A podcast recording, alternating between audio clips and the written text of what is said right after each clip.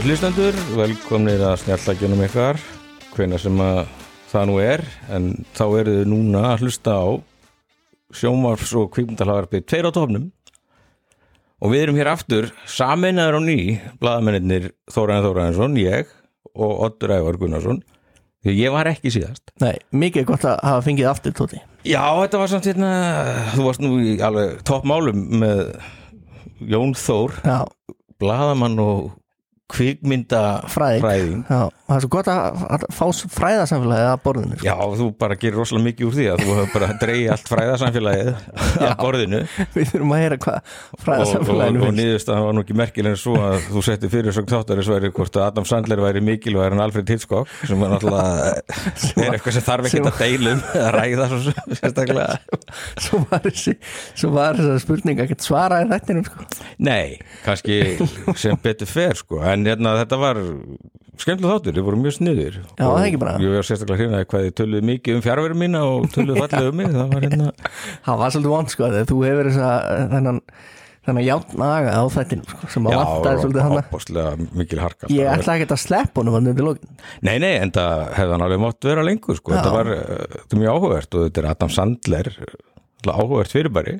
Mm og já, mér þótti nú miður að hafa ekki geta verið með sko. -hmm. en ég hefði samt ekkert farið að henda dreinum á grillið sko, frekar en þú Nei, að það nú hvað Nei, hann hérna, las svolítið mikið í það þegar ég tók bjóð til þetta dæmi um hérna, Um humarinn Já, og semst, mynd sem ég, þetta var alveg mynd sem yrði mjög umdelt þess Mhm. vegna talt tók ég að því að Adam Sandler er ekkit rosalega hátt skrifaður sko. Nei, En þú veist ekki að nýða skóum persónulega á Adam Sandler Nei, ekkert þannig sko, hann er ágættur allavega eins og hérna, já Weddingsinger, það er náttúrulega alltaf uppáhaldsmyndin mín með honum.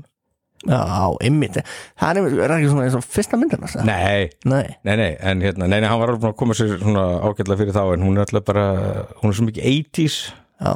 Hann er alltaf að syngur svona öll 80s lögin í brúðkaupum og, Sko að og þegar er svo skotin í Drew Barrymore sem er að fara að giftast einhverjum hálfvita sem heitir eitthvað eftir henni Gúlia og hún heit Júlia og verður þá Júlia Gúlia hvað er það og Steve Buscemi var hérna í auka hlutverki og alltaf, bara ferlega skemmtileg mynd sko. Mhm. Þetta minnum mig eiginlega bara aftur á hvað þessir uh, leikarar Hollywood leikarar sem við erum að tala um já, þessu tölum um Tom Cruise um daginn já. Hvað er allir róðinni gamlir? Adam Sandler er hann búin að vera í kvikmyndu síðan, þú veist, 1980s Hvað er það? Nei, nei, ekki alveg sko. Ég, ég mann, sko ég, ég sá hann fyrst í bíó í mynd sem að heitir Airheads.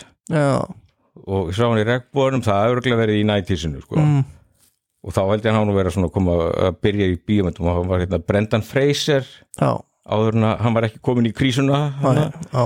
Og Steve Buscemi og Adam Sandler voru þarna eitthvað þrýhegi, hálfvitar, airheads og þetta var svona viðbjörslega leiðileg mynd. Þetta er einn leiðilegasta mynd sem ég sé Að það, já, byrjuðu um hvað er þessi já, ég manna ekki þetta þetta- þetta var ekki að reyna að vera hljómsveit eitthvað, þú tók ekki gísla eitthvað, það var eitthvað. Mhm.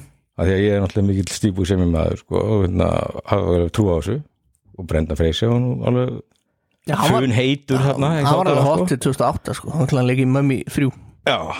var, hann var hann, já, hann, var- já, hann, var í í Mummy Mummy- 3 Mummy Já, 3, já. Rachel White hafði vitað að fara sér Mhm. Já, já allavega var alveg, þetta var átakalega leðileg mynd en, og ég hefði vilja ræða þá mynd svolítið við sérfræðingin Já, En ég hafði mjög gaman þessar pælingu að, að, að skoða svona sem auteur sko, Mhm. bara eins og eins og þessi leikstjóra sem að emitt, Tarantino, Scorsese Alfred Hitchcock, mhm. Woody Allen. Akkurat, ég nefnilega, ég, þess að saknaði þín líka sko, þegar þú ert með þetta stopnana minni sko, sem að, þú veist, ég er ekkert endilega með sko, Nei.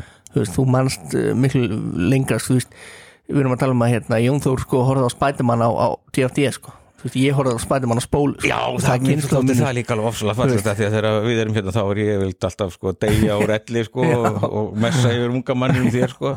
Þá varst þú að drjúi sko. Ég er að spói. Þegar allt í henni var ég, allt í henni var ég og það reynslu boltinn, Já, bara ellismellin það er það fer mér ekki vel, Þú varst, orðin Obi-Wan hann að bara, já En ég hef líka, sko, mér finnst þetta svona almennt sko bara í, í vinnu núna sko, mér finnst ég, núna er ég alltaf inn að vinna með sko mér miklu sko yngra fólki sko, Já, þú veist ég er að vinna með fólki sem er, þú veist, átta árum yngri en ég sko, já. Það er, hérna, já, já. Það er skellur. já, er það, já, þú, Ég er andlega yngstur. Já, þér finnst það að vera skellur en þá, sko, en Já. hérna þetta er eiginlega bara, þetta er eiginlega story of my life, sko bara strax á bensinstöðinu, sko, þá var ég allir orðin tvítugur og átti vona batni og var að vinna með 16, 17, 18 ára krökkum. Já, og svo er þetta alltaf verið svona en hérna, ég, ég, svo, mín kenning er svo að þetta haldi manni ungum, sko. Hvað þið lengi á bensinstöðun aftur? Ah, Þetta voru 11 ár. Já, ekki samt að þú veist þetta megna þessu voru náttúrulega sumur sko meðfram, meðfram námi en þetta er í heila tekið er þetta 11 ár sko. Vá.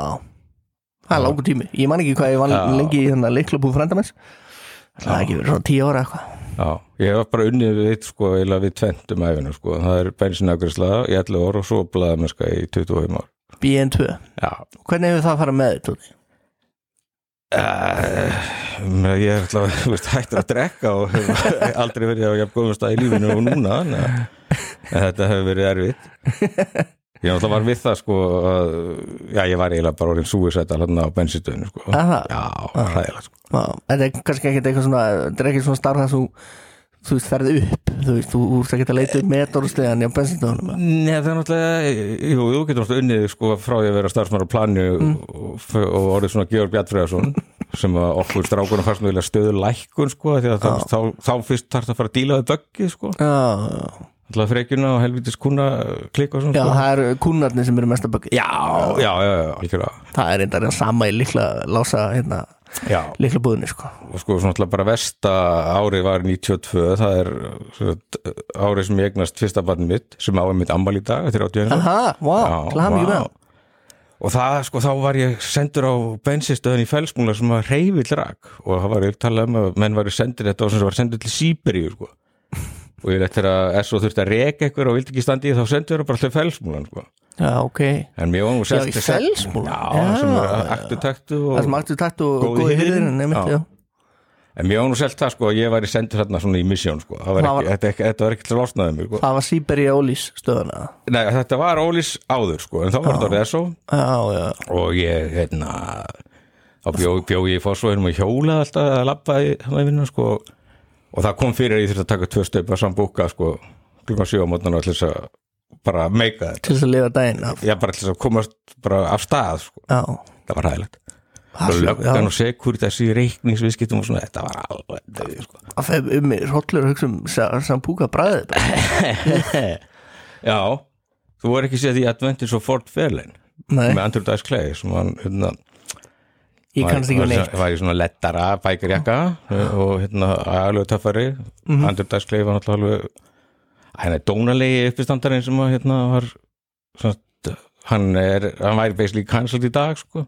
Já, en hann fekk hann að leika Fort Fairlane í þessari frábæru mynd Renny Harlin leikstinni nema þar hérna er hann alltaf að drekka Sambuca milkshake. Ói og kemur alltaf á bærinu og segir hérna eitthvað Harry, bara hérna sko hit me. Og þá kom Sambuca milkshake og kveikti í honum og, og náttúrulega precocious combustible Harry not thick enough but you're getting better. Og þegar ég bjó að hagamælnum hann einhvern mann þegar ég var ungur þá fórum við alltaf þegar voru partí að fórum alltaf út í ísbúðina Ísbúð Östubæðar og pöntum jarðabæra seik og fórum svo heim og heldum sambúka í seikin og reyndum að kveiki í, það gekk ekki Vá. Það gekk ekkert Nei, Nei. nei, en svo, svo eitt kunningi minn, hann var eins og með stöp sko, kveiktum í því svo glemd að blása á það sko, hann brendi sig og sullaði, og sullaði loðandi samt búka á, yfir lærin og Nei. það kviknaði í henni.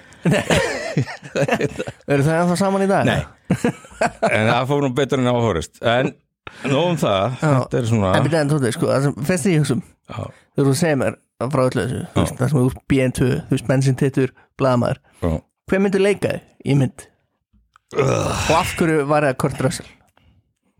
Já, það vantar bara út af sjarmanum sko, en hérna en mér nú bent á að hérna, Valton Goggins, hann sé maðurinn sem ætti að leika mig, hann var hérna Hver er það? Æ, hann var í Hateful Eight Ég veit ekki hérna, neitt Walter Goggins Val- sagði það? Valton Goggins hann var, hérna, hann var mondikallin í Justified fyrstu þáttunum en hérna Já, þessi þessi Þessi Það fyrir allir að googla hennar sko. Þetta er mesti svona leikari sem allir vera svona Þessi já, ykkur já, Walton Goggins. Já, Ok, ég veit ekki ég, hérna, hann er 51 ás já. Slemda Ekki helviti náðu þeirri aldrei Jú, jú Þess að Mats Mikkelsen, hann var ekki réttum maður í það? Jú, kannski. Jú, hann var helviti góð Hann leikur bara vondakall sko. Þú, þú ert nú, þú, Já, nú nei, já, ég er andhetja sko. Ekki Þú ert svona, vondur, þú sko. ert svona Indiana Jones í þér Já, Hann Solo já. En uh, hver heldur að myndi leika mig? Adam Sandler. Ok. Nei, Ok. Nei, nei. Ég veit ekki. Jerry. Seinfeld. Jerry Seinfeld Nei, þú, nei, nei Chris Pratt Hann er svona, Chris- hann er svona gladlegur og léttleikandi við erum svona- mjög líkir. Svona easy going, gaur sko. Það er einmitt eini Hollywoodleikarinn sem að mér hefur verið líkt við Já, það ekki Jú, gaman að heyra sko. þetta Já, eins og sérstaklega þegar hann var hans þykkari í hérna Parks and Recreation grínþáttunum Já, þá já, segja allir að hann hafi verið alveg eins og ég sko. já, og ég hef oft ímyndað mér þetta og ég oft notað hann sem dæmi um það að, þú veist, að, ef að ég erið Hollywoodstjarna þá myndi það- hafa rosalega góð áhrif á hilsuna skilur hvað við Já. þá myndi ég bara geta sko, einbeitt mér að líkamann sko. já, já ég, þeir, virðast þessu hafa, þeir hafa alveg endalisa tíma. Já, nefnilega. Þeir eru ekki að snorta kokain og að gera eitthvað. Sko, þú veist, mannst ekki eftir þessu þannig þegar hann var í Parks and Recreation þá leik hann Andy sem var svona þykkur, ykkur, gaur Já. ókvæslega fyndin svo allt í nú mætt hann bara stálslein í eina hérna seríuna. Já, og þeir gerðu svo mjög úr þessu hann eitthvað, já ég hætti bara að drakka bjór. Já, já það var mjög fyndið sko. Ég get alveg staðfest það samt að það er rosalega megrandi að hætta að drekka alveg hérna að- þú mæli með því Já, já, ég meina samt ég náttúrulega mér finnst nú alveg mjög hipp og kúl og sniðt Mm. að drekka en ef maður getur það ekki þá Mhm. er alveg ágætt að hætta því sko. Sko, talandi um að drakka sko, ég, ég ætla bara að segja eina sögu svo er ég hættur. Já, ég fór í hérna sund um daginn. Já, fór í hérna rækt og sund að ég var í vaktafrí. Og ég var í breiðholslög sem þýðir að þú veist, þú ert vennilega mjög hólpin, skilur Já. þú veist, getur einhvern veginn vera bara, þú veist, að þau breiðhildingar eru svo jar, jarpunir já, að þú getur bara, þú veist, þess að ég er náttúrulega í breiðhildingu, sko, þú, þú getur bara mætt og farið í rættina og þú ert bara algjörlega látið inn fyrir, já. þú veist, og það er bara þú, Er breiðholtslegu rækt? já, það er líka rækt Er í, í, vörglas já, utan í, í, hérna breiðholslög, sko. Já, og hérna, já, Birgitta Lífið ert að hlusta þá væri við alveg til í að plugga vörglas, að það ekki? Allana, en sko allana, herru, ég fer í potinn og það er bara ég og einhver eitt gafall maður. Og ég er bara, ok, þú veist, geður bara, veist, ég ætla, ég er búin að taka á því ræktinni. Og þannig að situm maður bara hljóðlega maður býður góðan daginn, Já, that's it skilju, já. allan að þessum tíma dags. Ég myndi ekki og miðjan- gera það sko. Nei, þetta var svona yfir miðjan dag á mánudegi Já, og hérna nema hvað, heldur hann fara ekki að tala við mig á ennsku nú, já, og, þú að er Chris Pratt? Nei, sko, örglega sko. Nei, hann fyrir að tala við mig um veðri sko. Já. Hvað hann sé kvíðin yfir því að, hérna, veturinn komi. Já, Og ég náttúrulega bara, þú veist, ég var í góðu stuðin Ég búin að reyfa mig og þannig að ég bara svona, jú Ég var alveg til í að tala við hann um þetta. Ég sagði bara, já, ég bara tengi við þetta.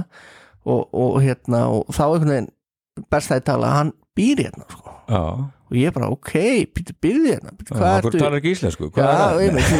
er búin að búa hérna lengi og hvað ertu að gera hérna? Æ, ég er búin að búa hérna og segir þetta með bandarskunni ég er búin að búa hérna í 25 ár.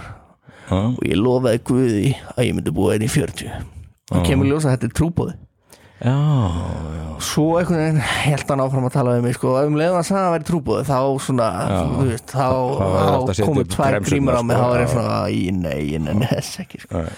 En þá fór hann að tala um svona brotin heimili og fór að tala mig um kinnfræðslu og, og, og blandaði því náttúrulega saman við hérna LBGTQ hérna, samfélagi. áhyggjur af hérna Ég er- plakatinu Já, ég hefur af þeim sko og, og spurði mig, akkur heldur að sé svona mikið brotnum heimilum á Íslandi og óhafmikið um bönnum Mm. og ég eitthvað svona eitthvað, já, var eitthvað svona- ég er alls ekki til í að tala um þetta en Mm. ég svona sagði, að þetta var nú bara val einstaklinga og svo reyndi ég nú veginn að útskýra fyrir honum að hins veginn fræsla og kynfræsla var ekki það sama og svo bara held hann áfram að tala um, um friðagjastlu í Kóreu og, og ég veit ekki hvað og hvað og hvað. Finnst þetta ekki góð saga? Jú, jú, ég bara, ef hún svona bendar á sko, þegar maður lendir í svona Mm ég hefði tekið viðtal við hann sko. Já, ég, ég var að hugsa já, snúaði við sko. Nei, ég var einmitt að hugsa hv- hvort ég ætti sko að Well sir, I happen to be a journalist. Já, hann hafði mikið áhuga á því sko. Já, Mjög mikið sko En hérna, nei, ég var að hugsa með einmitt hvort ég ætti að taka viðtal við hann en svo einhvern veginn þegar hann fór að já tala um sko, svona, það, maður, þetta er svona, ef maður er búin að vera lengi í blamin sko, þá Já. Mhm. er þetta fyrsta sem poppar upp sko, og, og þá er að þetta leild samtal mm geti haft eitthvað gagna, geti Já, þetta, geti já. virkað þetta Já. eitthvað en mér heyrist nú samt sko á þessu að þetta er nú ekkert orðnir mjög skemmtilegt viðtal Nei, ég er nefnilega, ég svona ímynda mér að hann hefði bara nýtt tækifæri til þess að að predika um Guð og svona Já. tróða sínum Já. skoðunum inn, einhvern veginn inn í allt saman og, og maður er svona, hann ennum að því. Nei, það er sem ég elska við svo, ég var svo, það kom bara svo flatt upp á mig að hitta hann þarna, þú veist á jarðtengdasta stað Íslands, skilu, já, bara salt jarðar er þarna allt saman í lauginni já, og svo er einhver gauður að tala um um Guð. Já Það er svona óhefni Já. Ég er samt sko, ég er búin að vera að fara svolítið í sund núna Er búin að vera að fara í sund? Já, ekki að synda, ég er bara að fara með strákinu Já, sko.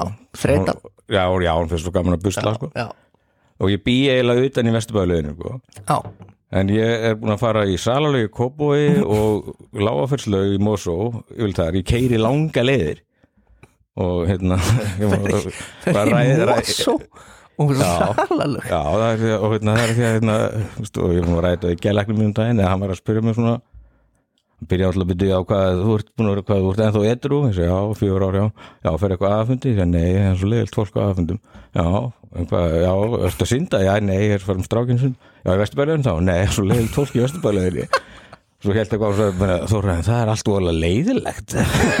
Ég veit ekki okkur það. Jókan skamtiðina Nei, hann, nei, þetta er Óttar Guðmundsson hann er nýbúin að vera að segja frá því öllum fjölmjölum að hann gefa alltaf lámarkamta einmitt, hann hefur, ágjörðan sem amfetamin faraldri Já, Já, en ég sko því að ég er náttúrulega sagt, já, það bara, mér finnst bara leiðilt fólk.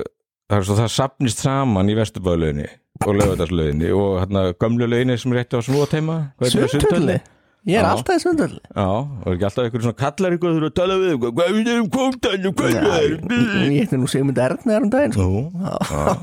Hann heilsaði mér, ég var hann bara nakin já, já, á tippinum Svona er þetta. Já, já, Það er að vestavisa sundlöður sko. Þegar þú hittir fólk sem þú þekkir og þú ert nakin sko. Þess vegna er ég alltaf bara í Mosó og, og Kóbói og, hérna, og, og, ég þekki aldrei neitt sko. það, veist, það er, ég þarf ekki einu að ég er ekki neittur til þess að bjóða góðan daginn einu sinni bara, já, bara ok bara. Það er ógeðslega fyndið Já. Þú að ég er mælalega með bregðslunni fyrir þig Já, ég þarf að tjekka á henni Fyrir, Það er okkur fyrir utan eitt trúbóða sko Já, mér er alveg saman svo lengi sem ég þekki hann ekki sko. Nei, já, einmitt nei. Svo líka eh, hérna, talandum um sund, heita potta og blaðamenn, Eiríkur Jónsson já, alveg hérna, hann er mikill sundkall. Já. Og hann ferðast húnum, hann er alltaf að pröfa allar lögar sko. Já, er það? Já, Já, og hann sagði mér einhvern veginn að satt hann held í Vesturbælaun og þá voru ykkur í tveir kallar sem svo mikið að tala við hann. Bladra, bladra og þá samt bara er, þetta er þögul pottur. Silent pot, það bara skilti datt niður og benti svona upp fyrir sko. segja það bara, það mætti ekki að tala í þessum heitapotti. Og þú getur alltaf gert það. Það er- ég- mjög, mjög gaman að heyra hvað þið fyrst um Guð og LBGT plus og allt það en þetta er þögul pottur já. Silent pot. Það, Eirík Jónsson var náttúrulega einu sinni með spjallátt og stöð 2 ekki? Jú, jú, heldur betur. Þetta þetta spjallátt bara Já, svona eftirminnilega Já. hérna, þá þáttu hún hérna bara víst, hvenær ætlar hérna stöð 2 að fara að tefla honum fram gegn Gísla Martini? e, Ég veit ekki að það drífi því? Herru, talandi um það. Stærsta sjómarsveit bara síðustu viku Silfrið. Já, Það bara, bara tekið af þarna, sunnudags þarna, slottinu sem að hefur verið frá upphafi. Egil Helgason byrjaði með þetta á skjá einum á sunnudum á deginu og þetta er eitthvað, eh, agli er kúplað út og þetta er komið eitthvað eftir tíu fréttar á mánudegi. Já, og þetta fær mann eiginlega bara til að trúa því sko að samsæður órunum að the powers that be eru valdið, ríkið sem að á þetta hafa alltaf haft hotn í síðu í svo þetta þáttar og því að alltaf, ég held að sko Kötu Jakob Bjarnar Ben því minna sem er fjallað um pólitík og talað um þetta svona, þeim það örgulega betra. Já, og þá er þessi þetta verður krúsja þáttur í umræðinni 20 ár þá er þetta fært hann eitthvað Mhm. og þetta er náttúrulega mjög misræð held ég, nema þetta sem er áðan gert en ég ætla um þetta að gauka því að þér. Og þú getur nú kannski bara fengið launa eitthvað út að gauka því að liðinu hérna sem að stjórnar vísi og Já, hvað er þetta sín já, sín, já.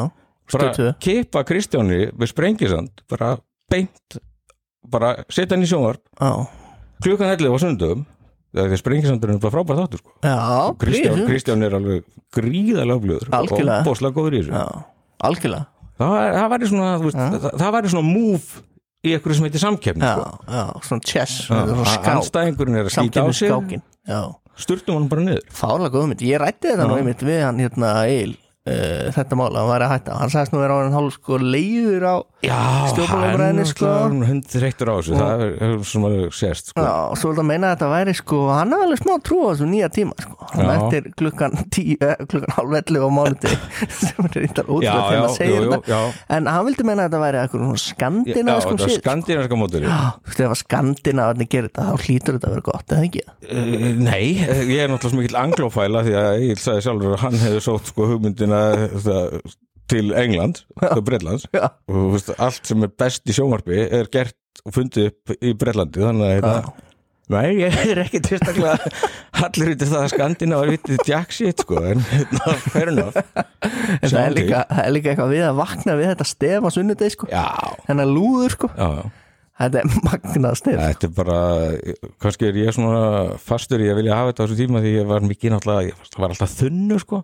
Já, og ég leti síman ringja klukkan 11 sko og kveikti á og, svona, og gæti maður svona dotti inn og út í þingunni sko. Já, eftir einmitt. í hvort að ég væri með eitthvað skemmtilegt í gangi. einmitt.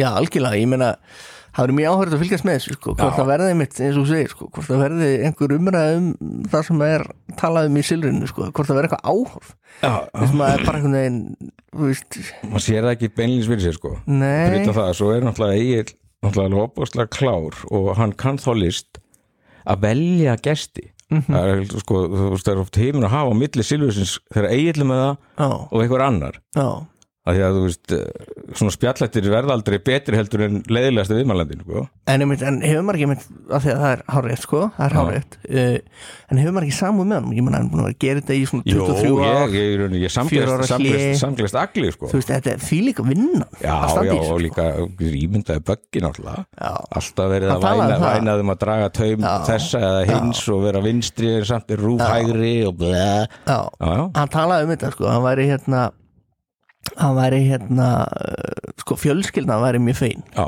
af því að þú veist, ég get ímyndið með bara hann, hann sagði sjálfur að hann væri algjör heimilispest sko, já, já, eins og líkt þessi já þegar það gengi illa að fá gesti illa að sko. fá hérna viðmjölandur sko. Já, þannig að þú veist, ég, maður hefur ákveðna saman ég, ég laga til að fylgjast með þessu sko. já, já, og við ættum kannski bara að henda einu heilaræði út í kosmosi til þeirra sem er að fara að taka við síluna eða er í vandræði og veit ekki hvernig það fá einhver koma þá bara inn á með Brynja Níelsson. Þá ertu komið með fína þátt sko. það, það er alveg hvernig ætlum við að fá Brynja Níelsson hérna til okkar? Ja, bara þegar við komum staði hvað hann er að horfa á og, og, og hvað kvikmynda greinar hann aðhyllist þá bara verður bara já, hef ég spesial þáttur. Einmitt, nákvæmlega þetta verður helviti skemmtilegt haust hjá okkur. Ég er mjög spenntur. Já, já, þetta er fyrir að spila skipulagt.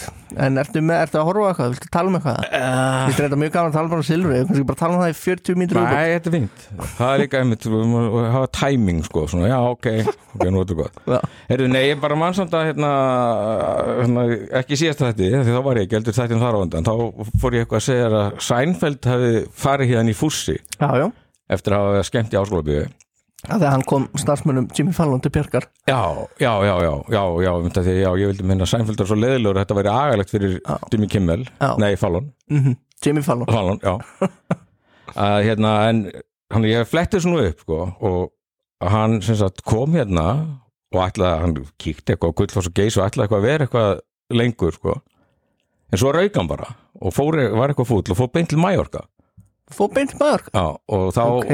hérna svo hérna svo sem fluttan inn sagði semst að hann hefur verið bara pyrrar út í veðrið og bara skellt sér í sólunni Mallorca en þá náttúrulega fór djefa fá stúana sko og þá náttúrulega hafa hann komið hérna ári áður þetta er sem 98 sem hann trefur háskóla bíó og fyrir fúsi en hafa komið 97 og hitt einhvern veginn dömu og Nei. jú, Íslenska dömu? já, og hafi svo Ha? já, og hafi svona, er svo bara hann hafi jafnvel bara komið hingað með uppistandið sitt til þess að hitta hann aftur á, á dömuna sko. En sagt þetta byrjaði nú held ég sagt að DFF er hérna með frétt sko. Seinfeld full Grínistinn Jerry Seinfeld held að landibrótt á 15. skvöld eftir að hafa skemmt fyrir trófellum sal háskóla bjóðast tvö kvöldiröð Seinfeld var á landinu mun fyrir nætlað var og held áleiðislega Mallorca á Spáni Ragnir Hansson, umbóðsmaður Sænfelds á Íslandi segir að Sænfeld hafi kvartað undan veðrinu á Íslandi og fyrir rest ákveði að halda til Mallorca gramur í geði. Sænfeld fór á Snæfellsjökul í síðustu viku og skemmti sér konunglega. Uh, já, en umbóðsmaðurinn uh, satt eftir og skoðaði gullfoss og gesi. Sænfeld fór ekki gullarhingin, hann tók Snæfellsjökul sko. Já, ok Þetta er 11. júli 1998 svo kemur fókus þetta af 17. júli með fyrir svona megan stakk af. Miklar vangaveltur hafa verið upp um hvað var til að Jerry Seinfeld rauk í fússi á landibrótt Yfirlýsing Ragnhildar Hansson um að Seinfeld hafi ekki þólað að missa snæfellsjökul í þóku þykir fáum góð skýring enda Seinfeld frægu fyrir sitt jafnaða geð. Allir menn brotna þó undir vissum kringustæðum og eftir við þóli Sænfeld ekki þetta tvent samtímis jökul og þóku. Besta skýringin sem heyrst hefur um ástana fyrir fílukastinu er svo að Sænfeld hitt ekki stelpuna sem var með í vetur þegar hann kom hér við í leita margrómum íslenskum yngismegum. Ha? Já! Þetta koma þá fyrr Já, á árinu já, seinna, veturinn áður. Já, veiturinn áður Já, 97. Já, Já. Stelpan svo var ekki á landinu þegar Sænfeld kom í síðustu viku enda hafði hún öðrum hnöppum að neppa. Hún var í brúðköpsferð með sínum heittelskaða nei og þótt Sænfeld hefði náði tíma fyrir brúðkaupið er ekki víst að hann hefði orðið hressari. Stúlkan mun að gefa hann þá einhvern að hann væri vissulega fyndin og skemmtilegur en hárbrúskurinn á hnakkanum á hann hefði næstum algjörlega slögt á henni. Já, Ha? já, Í akkur hef ég aldrei heyrt þetta já, þetta var 98, þú var kannski ekki verið að lesa blöðin. nei, ég var aðeins upptekinn hana á leikskólanum Já, Vá, þetta er mjög merkilegt. Já, að líka, sérðu hvað þetta er svona skemmtilega unnin og skriðu frétt. Þeir hafa, þeir, þeir eru með bara vitna í að hún hefur eitthvað, hefur törnof eitthvað verið eitthvað hárbrúskur á nakkan Þetta er alveg blaða með skama þetta, Já. þetta gerist ekki dag svona maður. Svona Nei, nei, er þá bara, þú veist, myndi allt koma þetta kerfi fyrir Sko, þetta frétt, hverjum kemur þetta við? En býtu, en fór ekki eitthvað orðið með Dag Sænfeld, hann er eitthvað kvennabósi Var hann ekki með eitthvað barnungum einhver tíma, það var eitthvað umdilt hvort hann var að grúma einhvern eða eitthvað Já, það var eitthvað svona verið, hvað hann hefur verið svona uh, Russell Brand síns tíma Já, heyrðu, jésús, ég var að tala um Russell Brand? Hvernig gengur hjá honum? Ja, Það gengur bara er- mjög er- illa. Nei, en er hann ekki alveg að gera gott mót hérna uh, í tjartbítinu? Hann er náttúrulega, Mest lesnum fréttinar jú, fólk hefur náttúrulega mjög mikið náhuga Hann er náttúrulega sko, hann er ekki búin að vera nýtt í nokkur ár sko. Þess Núna er hann með eitthvað uppistandsýningu í Brennlandi sem að kemur eiginlega bara mjög óvart af því að hann er aðalega orðin svona samsæðiskenninganöktari já, á YouTube. Já. Og, og það, hann náttúrulega var fljótur að henda í þetta sko, þetta væri nú allt bara meginströmsmiðlarnir að Já, já, já, ég veit að sko, já, Russell Brand, gaman að því að nú er Brandið greinlega ónýtt, það er hérna, ég sá nú ykkur að frétt, ætlaði ekki verið hjá ykkur bara að vísi að, sagt, að YouTube er búið að skrúa fyrir, Mesta tekjulindinans Já. er YouTube og þeir Já. bara eru búin að loka, að engin penningur. ok og Jesus, þá hann- sé hann bara basically bara fara á hausinn sko. En þú veist þetta er svo fyndið eins og hann Það er mikil umræða núna í Breitlandi af Því að hann var náttúrulega vinni á BBC þegar þessi brot já, Og hann var þarna Hollywood stjörna, bara á tímabili. Þetta voru bara einhver nokkur já sko, svona- ég man ég bara, ég hef bara alltaf svona einhvern veginn vissi af þessum gæja. Svo sá ég Já. þessa mynd að Get him to the Greek Get into the eitthvað, Greek sem ég- var svona eiginlega hans stærsta mynd sko. já, ég, mér fannst hún nú ekki neitt Nei, en hann var góður í Forgetting Sarah Marshall hann ég var, Það var fyrsta myndin jú, já, sem að, já, hérna, já, já, var, það var mjög skemmtileg mynd sko. Það var svona, ég, einmitt ég á rúlingsaldri hann kom út sko. Jason Segel hérna, já, já. hérna En ég hef alltaf svona ég, er nú með á- ég tel mér alltaf vera ágætt sem aðtekjar og geta svona skannað fólk úr þessari einmitt, og ég, mér fannst hann alltaf leiðilegur, Já. fyrst og næst leiðilegur og eitthvað Já. Hann og svo náttúrulega var hann hérna frægur fyrir að vera giftur þessari Katy Perry já, sem að hann segir að hafa verið svona dæmigert fræg fyrir ekki neitt. Já, já, hann, ég veit ekki fyrir hvað hann er fræg fyrir en svo, einmitt, á hann þessu ekkur hérna, kemur í ykkur myndum. Já, greinilega ekki uh, næsti Adam Sandler, hann er ekki En- en sko það, það er umræða núna í Breitlandi sko, um bara hvernig þú veist bara akkur er þetta ekki löngu búið að koma fram? Já, það er svona dæmi, þú veist, það er talað um þetta sem svona og það er umræðum þetta líka á samfélagsmiðlum þetta er svona dæmi það sem að allir vissu. Þú veist, það vissi allir að þetta Já. væri óþokki þegar svo var hann líka með útastætti þannig á BBC já, og hann var reikinn þann sko. en þá gerði hann eitthvað svona sjokkerandi sko, þú veist, hann var alltaf með eitthvað svona sjokkerandi dæmi. Það sem hann var svona sem í bara svona anstíkilegur hann er náttúrulega bara svona skítall í grunninn. En svo er mitt sérstakillina, svo held ég bara síðan bara hjá Bill Maher í Real-Time örugglega bara í fyrra eitthvað. Og þá var hann, eða, hann var okkur bara full blown já, bara eitthvað antivax uh, hérna, global media bla nöttari sko. ha, hann var alveg hress í umræðinum plaggötin hérna og hann, og hann var ekki upptekinn við að reyna að kynfræðslu plakatn halda sér á floti. En svona já, leiðilegu gaur. Já, og, algjörlega. en einmitt svo segir að svo bara hrannast upp núna kærurnar Mhm. og þetta er nú, þetta er nú ekki þetta er nú ekki geðslega brot sem eru verið að herma upp á hann Nei, og, ein barnung þegar þetta Já, gerist 16 send, ára. já, sendi okkur bílstjór á vegum BBC að að sækja fyrir 16 ára stelp í skólan sko. en eins og segir úst, þetta er bara búið að liggja Mhm. mm -hmm. veist, koma samt, þeir eru náttúrulega gott um það að lengur við tími Savil, það ára týr einmitt. Vandrarlegt fyrir BBC samt. Já, en, en sko, svo veldur eitthvað steitt sko, og þá kemur skriðan bara eftir já sko. nefnilega, þetta er bara The Sunday Times og hérna Ch- Channel 4 Four, held ég, já. þetta er bara, þú veist, svona rannsóknar blaðmennska Já, sem að, þú veist, þú þeir gáðu honum náttúrulega færa og svara og hann náttúrulega fór bara strax á YouTube og Instagram og sagði bara þetta var að gera svo sá ég svona uh, usual suspect íslenska samsæris uh, nöttara deila þessu sko, haldið þessi tilvílum. Það er alltaf- þetta er alltaf þetta. Er náttúrulega blasið við. Maðurinn er bara farin að segja óþægilega sannleikan og þá náttúrulega koma globalistarnir og taka niður. Já. Come on. Come on. En, eh, en þetta er alveg magnað og náttúrulega bara good riddance to bad rubbish. Ég mun ekki sakna það Er eiginlega ekkert hann er eiginlega ekkert búin að vera leika þú veist, Nei, hann í- ekki ekki leikið neitt og, Nei, nei. veist, hann er bara búin að vera eitthvað youtuber sko. já, já. En það var mér svo magnað þetta helvítis YouTube Mhm. að þú veist að, slegið á að hann sko hann þjeni miljard punda já, á ári? Já, á þessu YouTube brandi sinu nei, ég meina þú veist, það eru ég held að sé, það, það er svo mikið fólki sem að vinnu bara hann tóti, sko. Já, ég veit það. Nörda Og hérna- síður og, og við alls konar dót Já, sko. já, því ég er nú orðin svona gamall hérna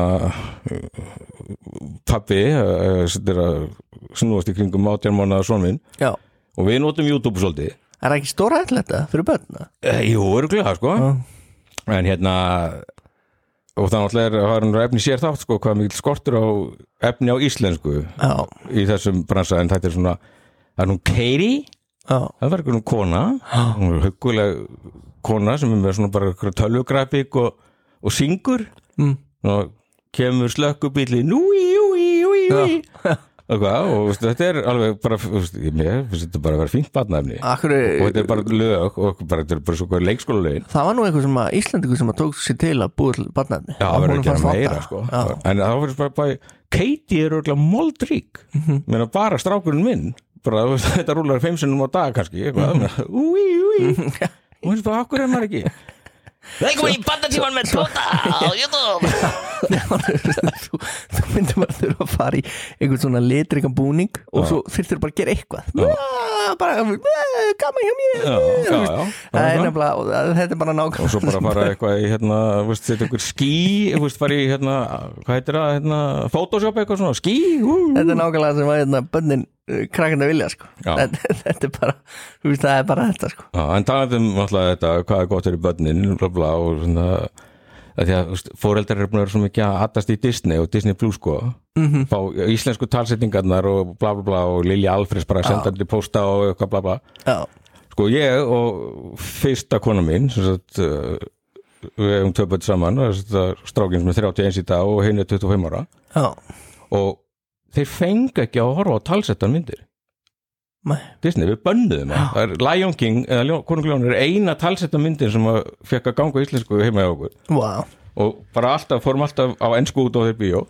Og bara sko svo þið áttu ykkur því að Disney er ekkert að borga bara bestu og frægustu leikurum í heimi fyrir að tala fyrir Aladdin og Andan og allt þetta til þess að við förum og hlustum á Hilmi Snæ og Felix Bergson sko að tala honi þetta. Það- þetta virkar ekki þannig sko. Nei, ég á svolítið erfið með þessu umræða þegar mér þótti nú ægilega væntum eins og konungljónin á íslensku sko. Já, nei, það er líka og svo og hann var að ræða þetta við frumburðin bara í fyrir þetta og hann sko stendur á því hann náttúrulega aldrei að horfa einsku en er náttúrulega búin að því sjálfur. Já, og hann, sko, hann stendur og ég samræði að íslenska útgáðan er basically betri já, er það ekki? Á, konungljónina? já, Já, Já. ég er því já Bara- ég, bara, bara, ég get ekki hort enn þann dag í dag ég get alltaf hort á hana á ennsku sko. þetta er eina myndi sem ég bara sé hana á ennsku og bara, heyrðu, þetta er ekki myndin sko. Já, já, ég ætla alltaf sko að sjá hana með ennska talinu þegar hún var í gangi Mhm. og ég og besti nördavinn minn það var bara því að við sem James Earl Jones talaði fyrir Mufasa sko við Já. vildum fara og heyra Darth Vader sko Já. Nefndi ég samt ekki sko. Nei. og svo bara, veist, Siggi Sigurðan svo bara betri Sasu heldur en Róan Agnesson. Ah, svo góð Sasu, vá hvað er góður. og þetta er bara, einmitt, og stundum kemur þetta íslenska eitthvað í slamdöng. Já, kanntu ekki lögina, bara akkur að greifi þar hann að dæmi? maður hérna horfði á þetta á stöðtöðu og það var hérna Latti náttúrulega allt í öllu og Kristján Franklin Magnús Já. og það er Ingo. Já. Svo náði ég í spólendmann við lögum síðan með, sagt, bara á frimálinu ensku, það var bara mökk leðilegt bara íslenska ralliðið bara gerir Brakula greifa að því sem hann er. Hvað er að frétta Brakula greifa? hvernig ætla það að koma aftur? Ég, veist, ég hef ekki séð það í mörg ár sko, en ef þú myndir sína mér þetta núna þá myndi ég fara bara í eitthvað sko svona nostalgíu hérna æðiskast. Leður blögu blóð. Ég skal sækja það Nei, þetta er, á náttúrulega bara endur sína þetta, þetta er sko, þetta er eitthvað þættir eru á YouTube af S-inu, ég alveg glötu þurfum við ekki, sko. þurfum við ekki að fara að bóka fund með fórsvarsmönnum stöðu tvö? Já, við erum bara að stopna fleiri þrýstuhópa Já, eins og þetta toppfólk á Facebook Já, bara, já, heyrðu talandi um það, við þurfum að hvetja hérna hlustendur til þess að ganga til liðsögn já og líka heita því náttúrulega taka betur á móti fólki setja eldri þætti inn og gera eitthvað svona? Nú ætlum sko Jón Þór, hann lofaði mér í síðustu viku að setja inn tíu uppáldar Adam Sandler myndina sín Já, hann er ekki ennþá búin að gera. Það. nei, nei, það er nú að hefum að tökina rekkáfturum Ég er líka, ég er að spá hvort ég ætti ekki að setja inn þessar djöfafréttir hérna Já. á Sænfeld er endilega, til þess er hópur. Já, það er líka ein, það er mynd með einnig djöfafréttinni mjög skemmtilega. Já, Það er mynd sem að Hilmar Þór hérna, hefur tekið, hann er nú lengur hættur að vera blæðljósundri, Já. en það er fyrir utan á hótelsögu já, og það eru Logi Bergmann og Jakob Bjarnar að tróða sitt hvorum mikrofónunum framann í hetjuna sko, bara, bara myndin ein og sér er bara, að Jerry Seinfeld já, Ok, maður, það er rosalegt. Já, já. Káti Pilturinn vinnur okkar fyndningæðin og hafnafyrði hefur alltaf bara tekið giggið. Vá, þetta er magna dæmið maður. Hérna Hvað, við erum komin í 36 mínútur eigum við erum búin að tala um neitt sjónvarpsefni? nema Jú, jú, þetta er svona sirka sjónvarsefni Já, heyrðu, en hérna ég, það glætti svo hérna mitt gamla hjarta þegar ég var að hlusta á síðasta þátt þar Mm. sem ég var ekki að þú varst að fræða Jón Þórum að þú væri sem sagt byrjar að horfa á Sopranos Já, sem að er bara, ekki bara stöð tvö stötu plus. Já, nýkomri með Já, þetta. Nikon eða stötu plus, dremstjörna Þetta er mjög spennandi hérna hvernig svona svona, hérna, geggja serju droppa inn á í einu. Já, og, og Sopranos þetta er alltaf monumental þættir og þarna fannst mér líka úlingurinn sko, Jón Þór koma Já. feikilega sterkur inn. Já, þegar hann benti þér, gamla mannunum á að, að hún finnist Sopranos eiginlega vera bara besta sjónvastættir sem er gerðir. Og Twin Peaks. Og þetta er, þetta er alveg rétt hjá honum þetta eru hérna Ég hef korkið séð Sopranos, ég er myndar að horfa á já, núna vorstu að vinna í því núna. Ég er að vinni, þú veist, ég er komin í eitthvað svona að verða að búið með fyrstu Já. um, En ég hef ekki séð Twin Peaks, heldur. Twin Peaks sko það er nefnilega þess vegna sem hann fær gút á svona Jón Þór fyrir eiginlega bara munið til Twin Peaks. Sérstaklega þegar hann er yngri en þú. Mhm. en sko Hann er alltaf kvikmyndafræðingur, Tóti. Já, já, Hann til er fræðasamfélaginu. Já, fræðið samfélagi já, Við meðum einmitt. ekki gleyma því sko. Nei. Þú veist, Ég er bara common Joe Já, já. Nei, þegar sko Sopranos koma hérna hvað upp úr 2000, ætlas ekki hvað, 2001 sem þetta byrja. Mhm. Og það er náttúrulega alltaf bara að tala um Sopranos sem þættina sem að breyttu sjónvarpi. Já, er það ekki, þetta er svona fyrsta HBO þáttaröðin Já, bara þetta er bara það sem hver einasti þáttur, hann er í sko kvikmynda quality. Það er sko, það er leikurinn, handritið, tónlistin, takan, og þetta er svo mett, þetta er svo velgert, þetta er er bíómynda trukk í sjónvarpi. Getur líka rætt hvað James Gandolfini er góður Já, Og við sér sko, þegar við erum að taka þetta upp hérna Við erum að taka þetta upp hérna uh, á einhverjum degi, Já. miðvikudegi já, Í gær þriði dag, já, 19. september, tíu ár síðan hann dó já, það var rosalegt. Já, það var þingra högg en þegar hann Ray Stevenson dó um daginn sem, Sem sem, er að glansa í þáttunum sko. en akkur byrju hvernig dó hann eiginlega, mástu það? Gandolfini, hann sko, hann var nú eitthvað réttir, hún ætla hann ekki verið svona 56 ára, eitthvað rétt umlega 50 Já, og hann var í frí á Ítalíu með fjölskyldinu og bara líka hann hafa bara drepist sko bara, hann var út að borða og bara líka við datniðu döður aha, já, en ég minna, þú veist, maður er náttúrulega var alltof þungur. Já. Og náttúrulega greinilega hann var Róm þegar hann dó, í já, Róm. já, og náttúrulega bara greinilega finnst gott að geta fikk hjartafall já. Bara eins og ég, hún er gott að geta raukt kjöt og örugglega finnst gott að drekka mikið rauðvin en Ég er bara ég er ekki feitur sko. ég er reyndar einmitt, ef ég myndi halda áfram með þessara vegferð sem ég er búin að vera á undanfarn átt, þá geti ég alveg dáið svona, sko, úr hjartafall eftir já, góð, hvað, Já. hvað er í gamall? Góð kannski 20-30 ár. Já þá er nú samt frekar að reyna að taka Gandolfin allar leið og Já. þegar þá fyrst á fínu restaurant í Róm frekar en að hreinja niður á just wing it hérna. Vá, hvað ég gæti Dóti Ég var einmitt það er þekki mig vel ég var einmitt þar í gerkvöldi sko. Ég var tilbúin. Ég var, ég var tilbúin, ég var að býða eftir að Guð myndi taka mig sko. Sem ég trúa Ég var að býða eftir að að himnarnir myndi opnast þarna sem að ég var að var að borða tólta vangin en sagður ekki við hérna, trúbæn hitta bóttinum þannig að what do you think about it? Well, I just wing it. Just wing Just wing it. nei, þetta var, þetta var agalegt að Já. vissan, þetta er alltaf sko frábæleikari en Stórleikani svo ég klára þetta Mhm. sem sagt, sko hvo- bara standardinn á framlistinu og sopranus var þetta var, það var verið að brjóta blað í sjónvarpi. Já, í rauninni og svo kemur þetta alltaf eftir. Þetta er, við, eignum alveg eh, Sopranos ára upp brautina fyrir Breaking Bad og Game of Thrones og allt þetta dót, The Wire, já, allt það. En þá hins vegar gleymist að hérna í early 90s-inu 90 og bara, hvað, nei, ætla að vera 90 bara, 91 þegar David Lynch kemur með Twin Peaks framleitir af Sigurunni Sigvartsinni okkar manni, já Íslendingi. Hvernig ætlum við að fá hann hingað? Er maður að gera þetta mann. Já, var að tala um Twin Peaks. Að Nei, það er sko, það, Twin Peaks eru þann þeir eru sko flóknir gerur rosa kröfull árundar með David Lynch hefur aldrei verið aðgengilegast í maður sem er í gangi sko. nei. Þannig að þá var verið bara allt í hennu var að segja sögu í sjónvarpi sem að hefði bara verið óhugsandi. Flókna erfiða sögu þannig að Twin Peaks er fyrst. Mm og náttúrulega samt, það er náttúrulega bara það fór út í svo tóma djöfulega djöfla sýri að það einhvern veginn, já það var ekki jafn svona Svo kom framhald, var ekki? Það? Jú, jú, það, fyrir örfáum árum? Jú, The Return sem var í rauninni season 3, Já, vertið 3 já, og það er ógeðslega góðir þættir, já, gott já.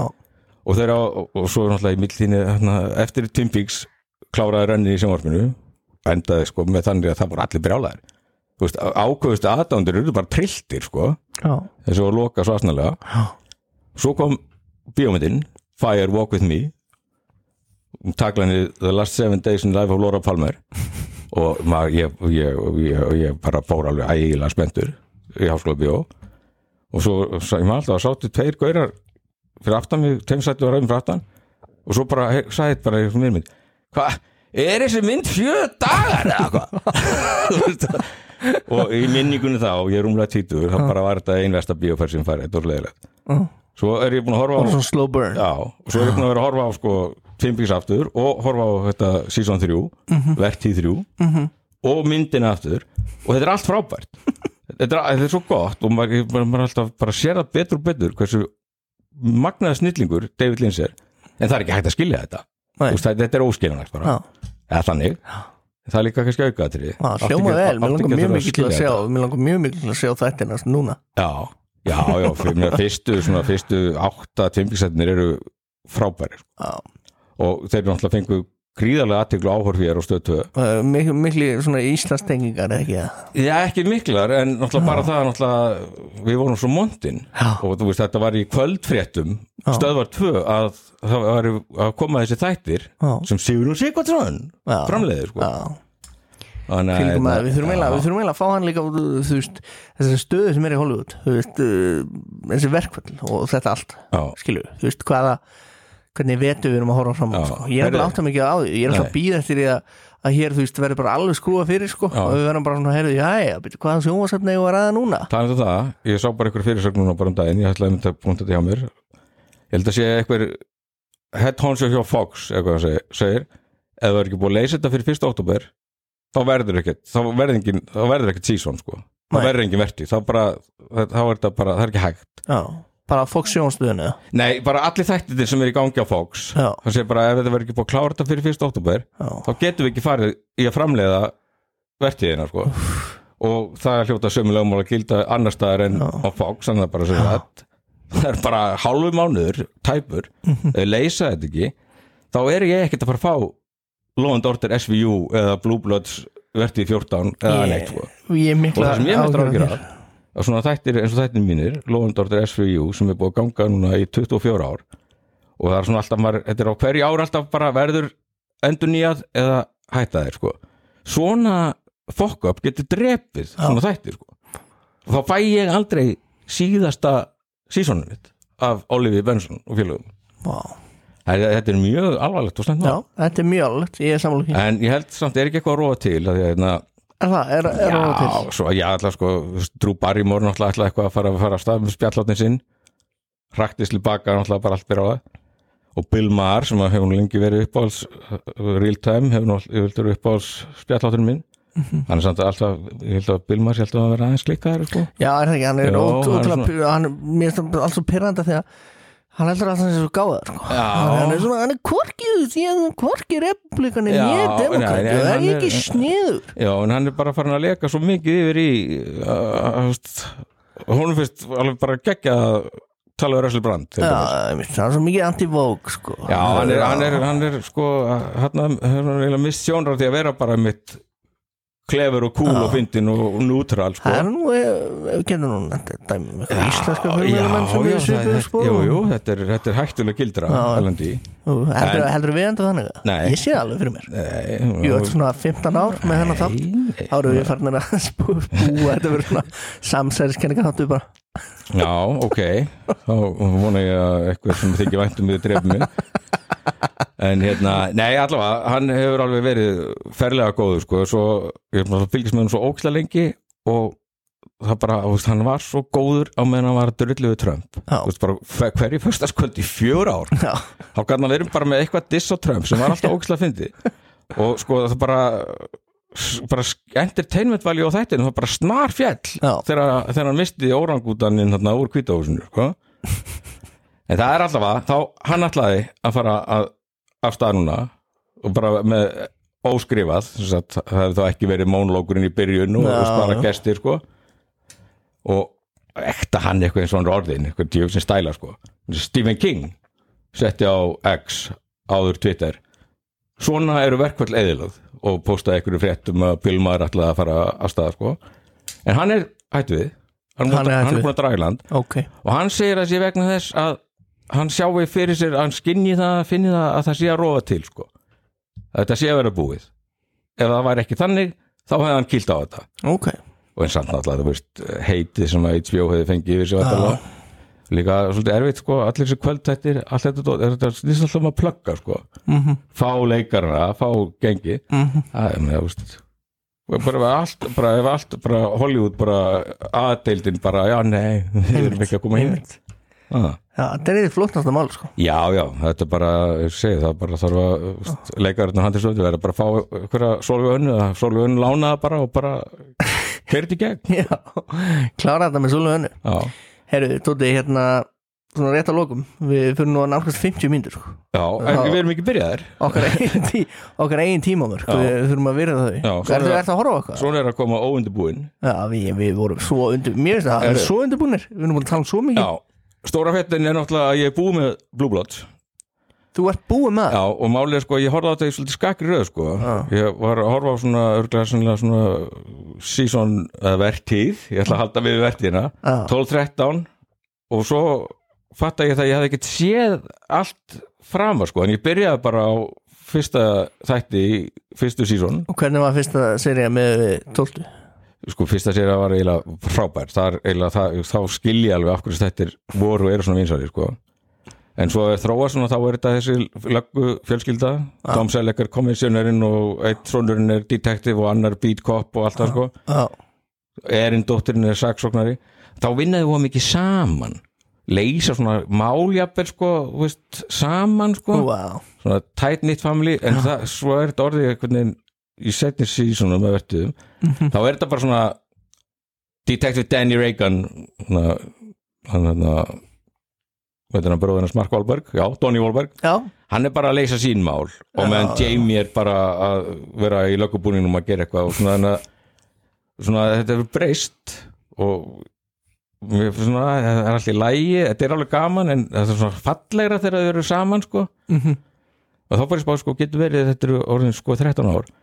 Kannski er þetta fólk voru ógeðslega leitt hvort á öðru sko og þá er bara bre- bregðast handriðsöfnir við er vinnavinnir svona og skrifaði bara svona aðskildarsögur svo þurfa þá bara leikarnir bara hittast tvísvar í setti alltaf sundagskvöldurinn sko. Þetta er svona sjónvarseri sem er svo þú veist, maður sér, sér svona seri svo miklu sjálfnar í dag. Já, nú er þetta alltaf bara svona Netflix-serja sem er bara svona ein serja max tvær, Já. kannski þrjár, svo er þetta bara búið Já.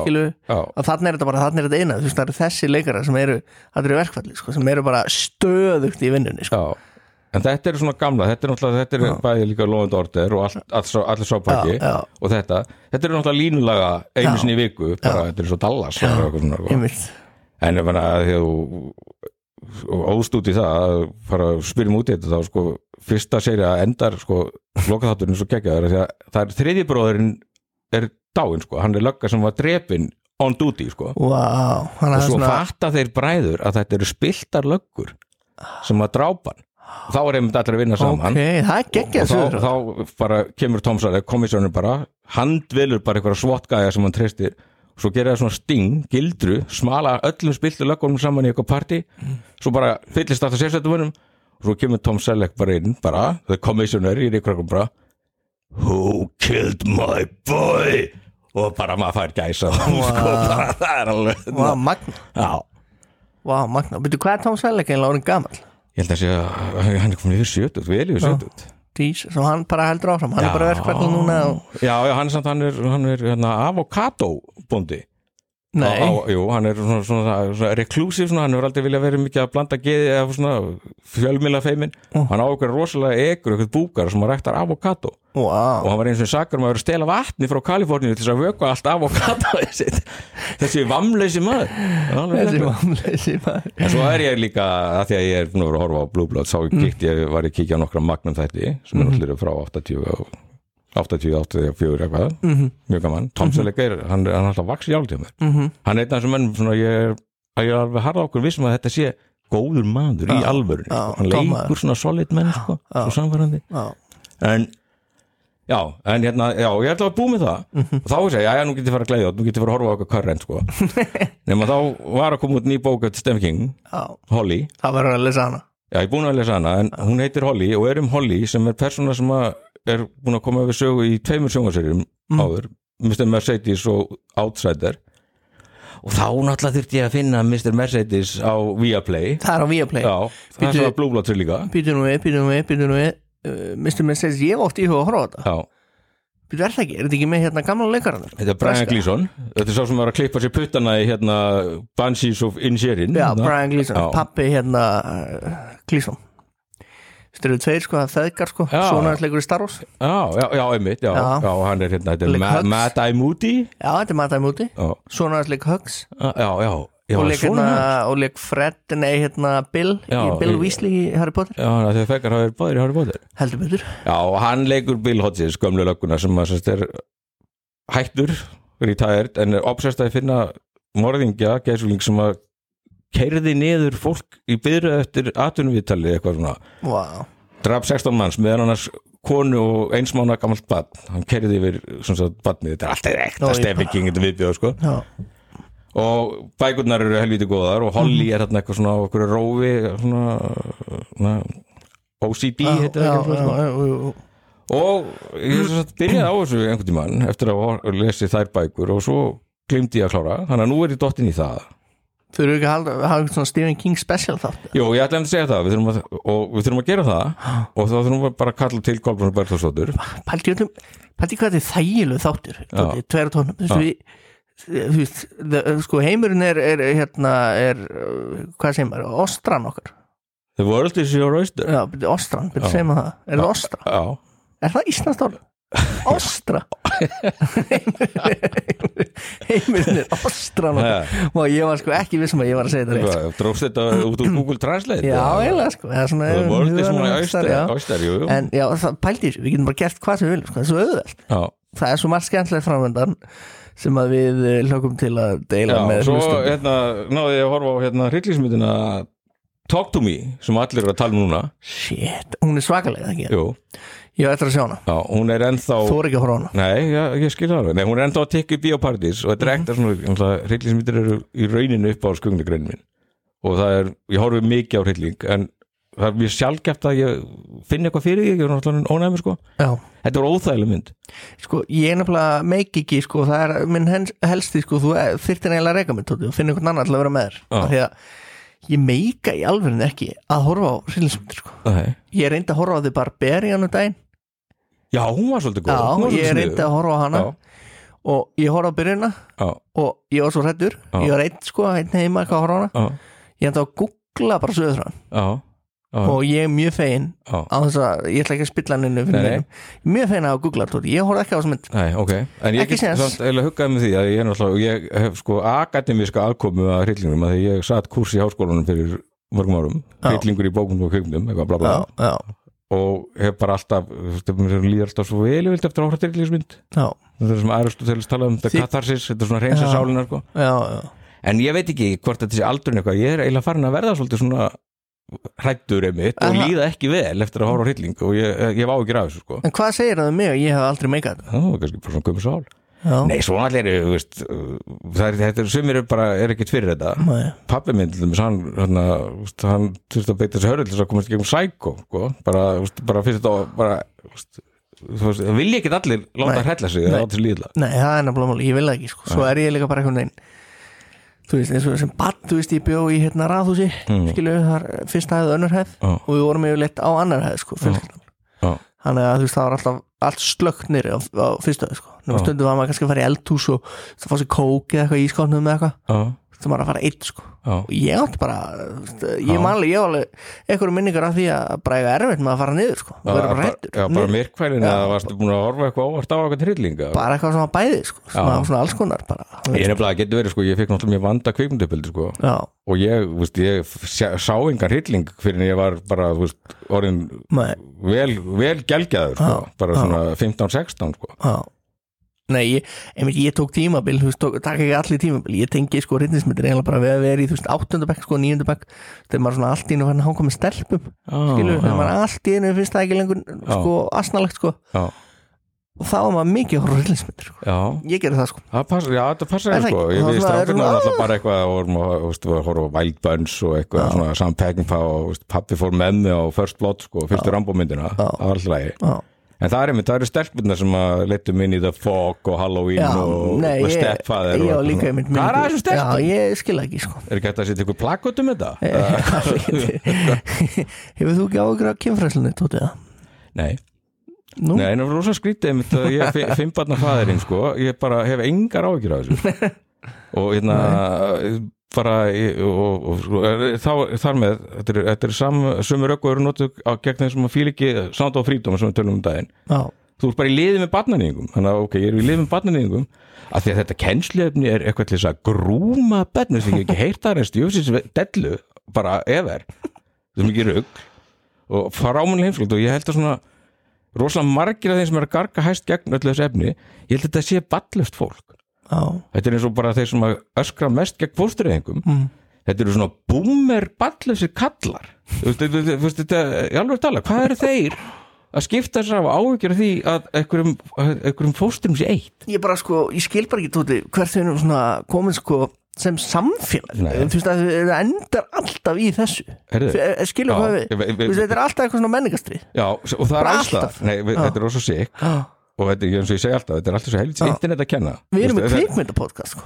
Og við þurfum alltaf já, að tala um þetta sko. og það var í lægi bara meðan fólk var þá bara í heitupottunum með þessum kaffestofum en Já. ok, það er þetta Þú veist, ef við, finnst eitthvað spennumynd ekki góð Já. þá ertu í liði með glóbalísku barnaningasamsari ef þú er ekki áhyggjur að því að vera að fræða börnum bara basic hluti Mhm. í samfættu eigin líkama og hvað er prívat og hvað er óeðlilegt þetta er bara, þetta er bara, þetta er þetta kærslefni er viðbrað við breyttum heimi heimitt, og breyttum tíma. Heimitt gallin við þetta fólk sem er á móti þessu það vill ekki að heimurinn sé.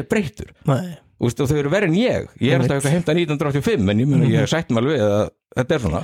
En svo var bara frétt í gæra fyrir þetta sem sá sem segir allt um þetta. Það var eitthvað hérna rafskútu eitthvað hérna, hraðastur bla bla bla. Og þá bara, bara viðtalverkundi vökkur eitthvað, það er alltaf að harna bara sko stríðið milli reyðhjólafólks, fótgangenda rafskútufólks og bílafólks. Veist, við getum ekki verið í umferðinni á þess að vera einmitt komin í menningastríð í ykkur skotgrafir og það er aldrei neitt á milli. Nei. annarkvort ertu í þessu liði Ha.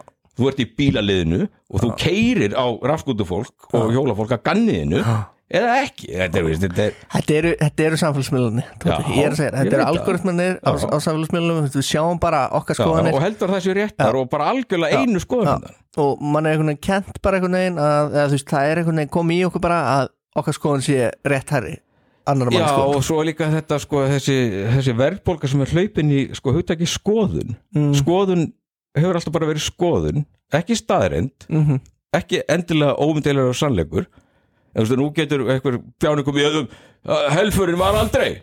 Ég segi, nei, hvað er aðeins, þú veist, það er hafði ekki allir rétt á sínu skoðun? Þetta er ekkert skoðun fýblið þitt. Þetta er bara órar í fábjána. Og ég þóli það ekki að ég með ekki lengur segja að mér finnist eitthvað fólk vera heimst og fábjánar af því að þá er ég að traðka á einhverju skoðana frelsi. Einmitt, ég, er sammála. Sem ég, sko, þurfum við eiginlega að fara slaufa, sko, þessum hlaðastætti Já. En fara að vera kannski með hérna útastátt og útastátt sögu Var það ekki rosalega góð hugmynd? Ég veit ekki hvort að okkur er hleyft að hljóðnum hann þar Svo minn aðeinsli draumur er að fá að stjórna einum símatíma Bara þess að Er þetta satt? Ha? Hvernig veistu? Hvað segirðu? já. Eru 5G mösturinn að fara að dreifa sárasótt? Ha? Og hvernig veistu þetta? Ég væri ótrúlega til í að vera stundum hérna í Reykjavík sítis á bylginni Já, Já, uh, næsti uh, hérna hlustandi, góðan dag, er það lofið að last? Ég held að það sé Hvernig ætlar að lasta? Hvað sér, ætlar að lasta Dag P. Ekkertsson Ok, næsta, ætlar að lasta hérna, umferðina. Já, þess að okkur okkur lána vexti hérna, íbúðlán eru bara eins og smálán. Já, reyndar, þetta, reyndar, það er ríkalegt sko. Það er hérna, hrikalegt, já, Tóti, já. Já, Eh, að við erum konir yfir klukkutíma. Já, hættum þessu. Ég, við, ég held að þetta sé orðin okkar lengsti þáttur sko, Já. sem er ótrúlega sína, en ok. En við, við erum stórhuga fyrir vetrinum uh, hverjum allar til að skrá sig í topp fólk tveir á toppnum á uh, Facebook fylgja okkur á Spotify, á Apple Podcast á Google Podcast, halda áfram að hlusta. Senda okkur, eh, okkur tölvupost eða eð þið vilji, tveir á toppnum podcast at gmail.com Já, nema ef þið viljið bregðast við því sem vorum að segja um samsælskenningur og kynfræslega þá ekki gera það, sko Tóti, viltu hvað er mannskapin? Svo ég geti já, hvernig ég á hérna, hérna, Takk fyrir að hlusta og einmitt einbytt ykkur að því að læka okkur á öllum hugsanlegum miðlum og samfélagsmiðlum svo þið heldur nú áfram að vera fyrtar og geðveikar en við erum nú þegar. Heimsta viku liðinni. Þá ætlum við að tala um bíum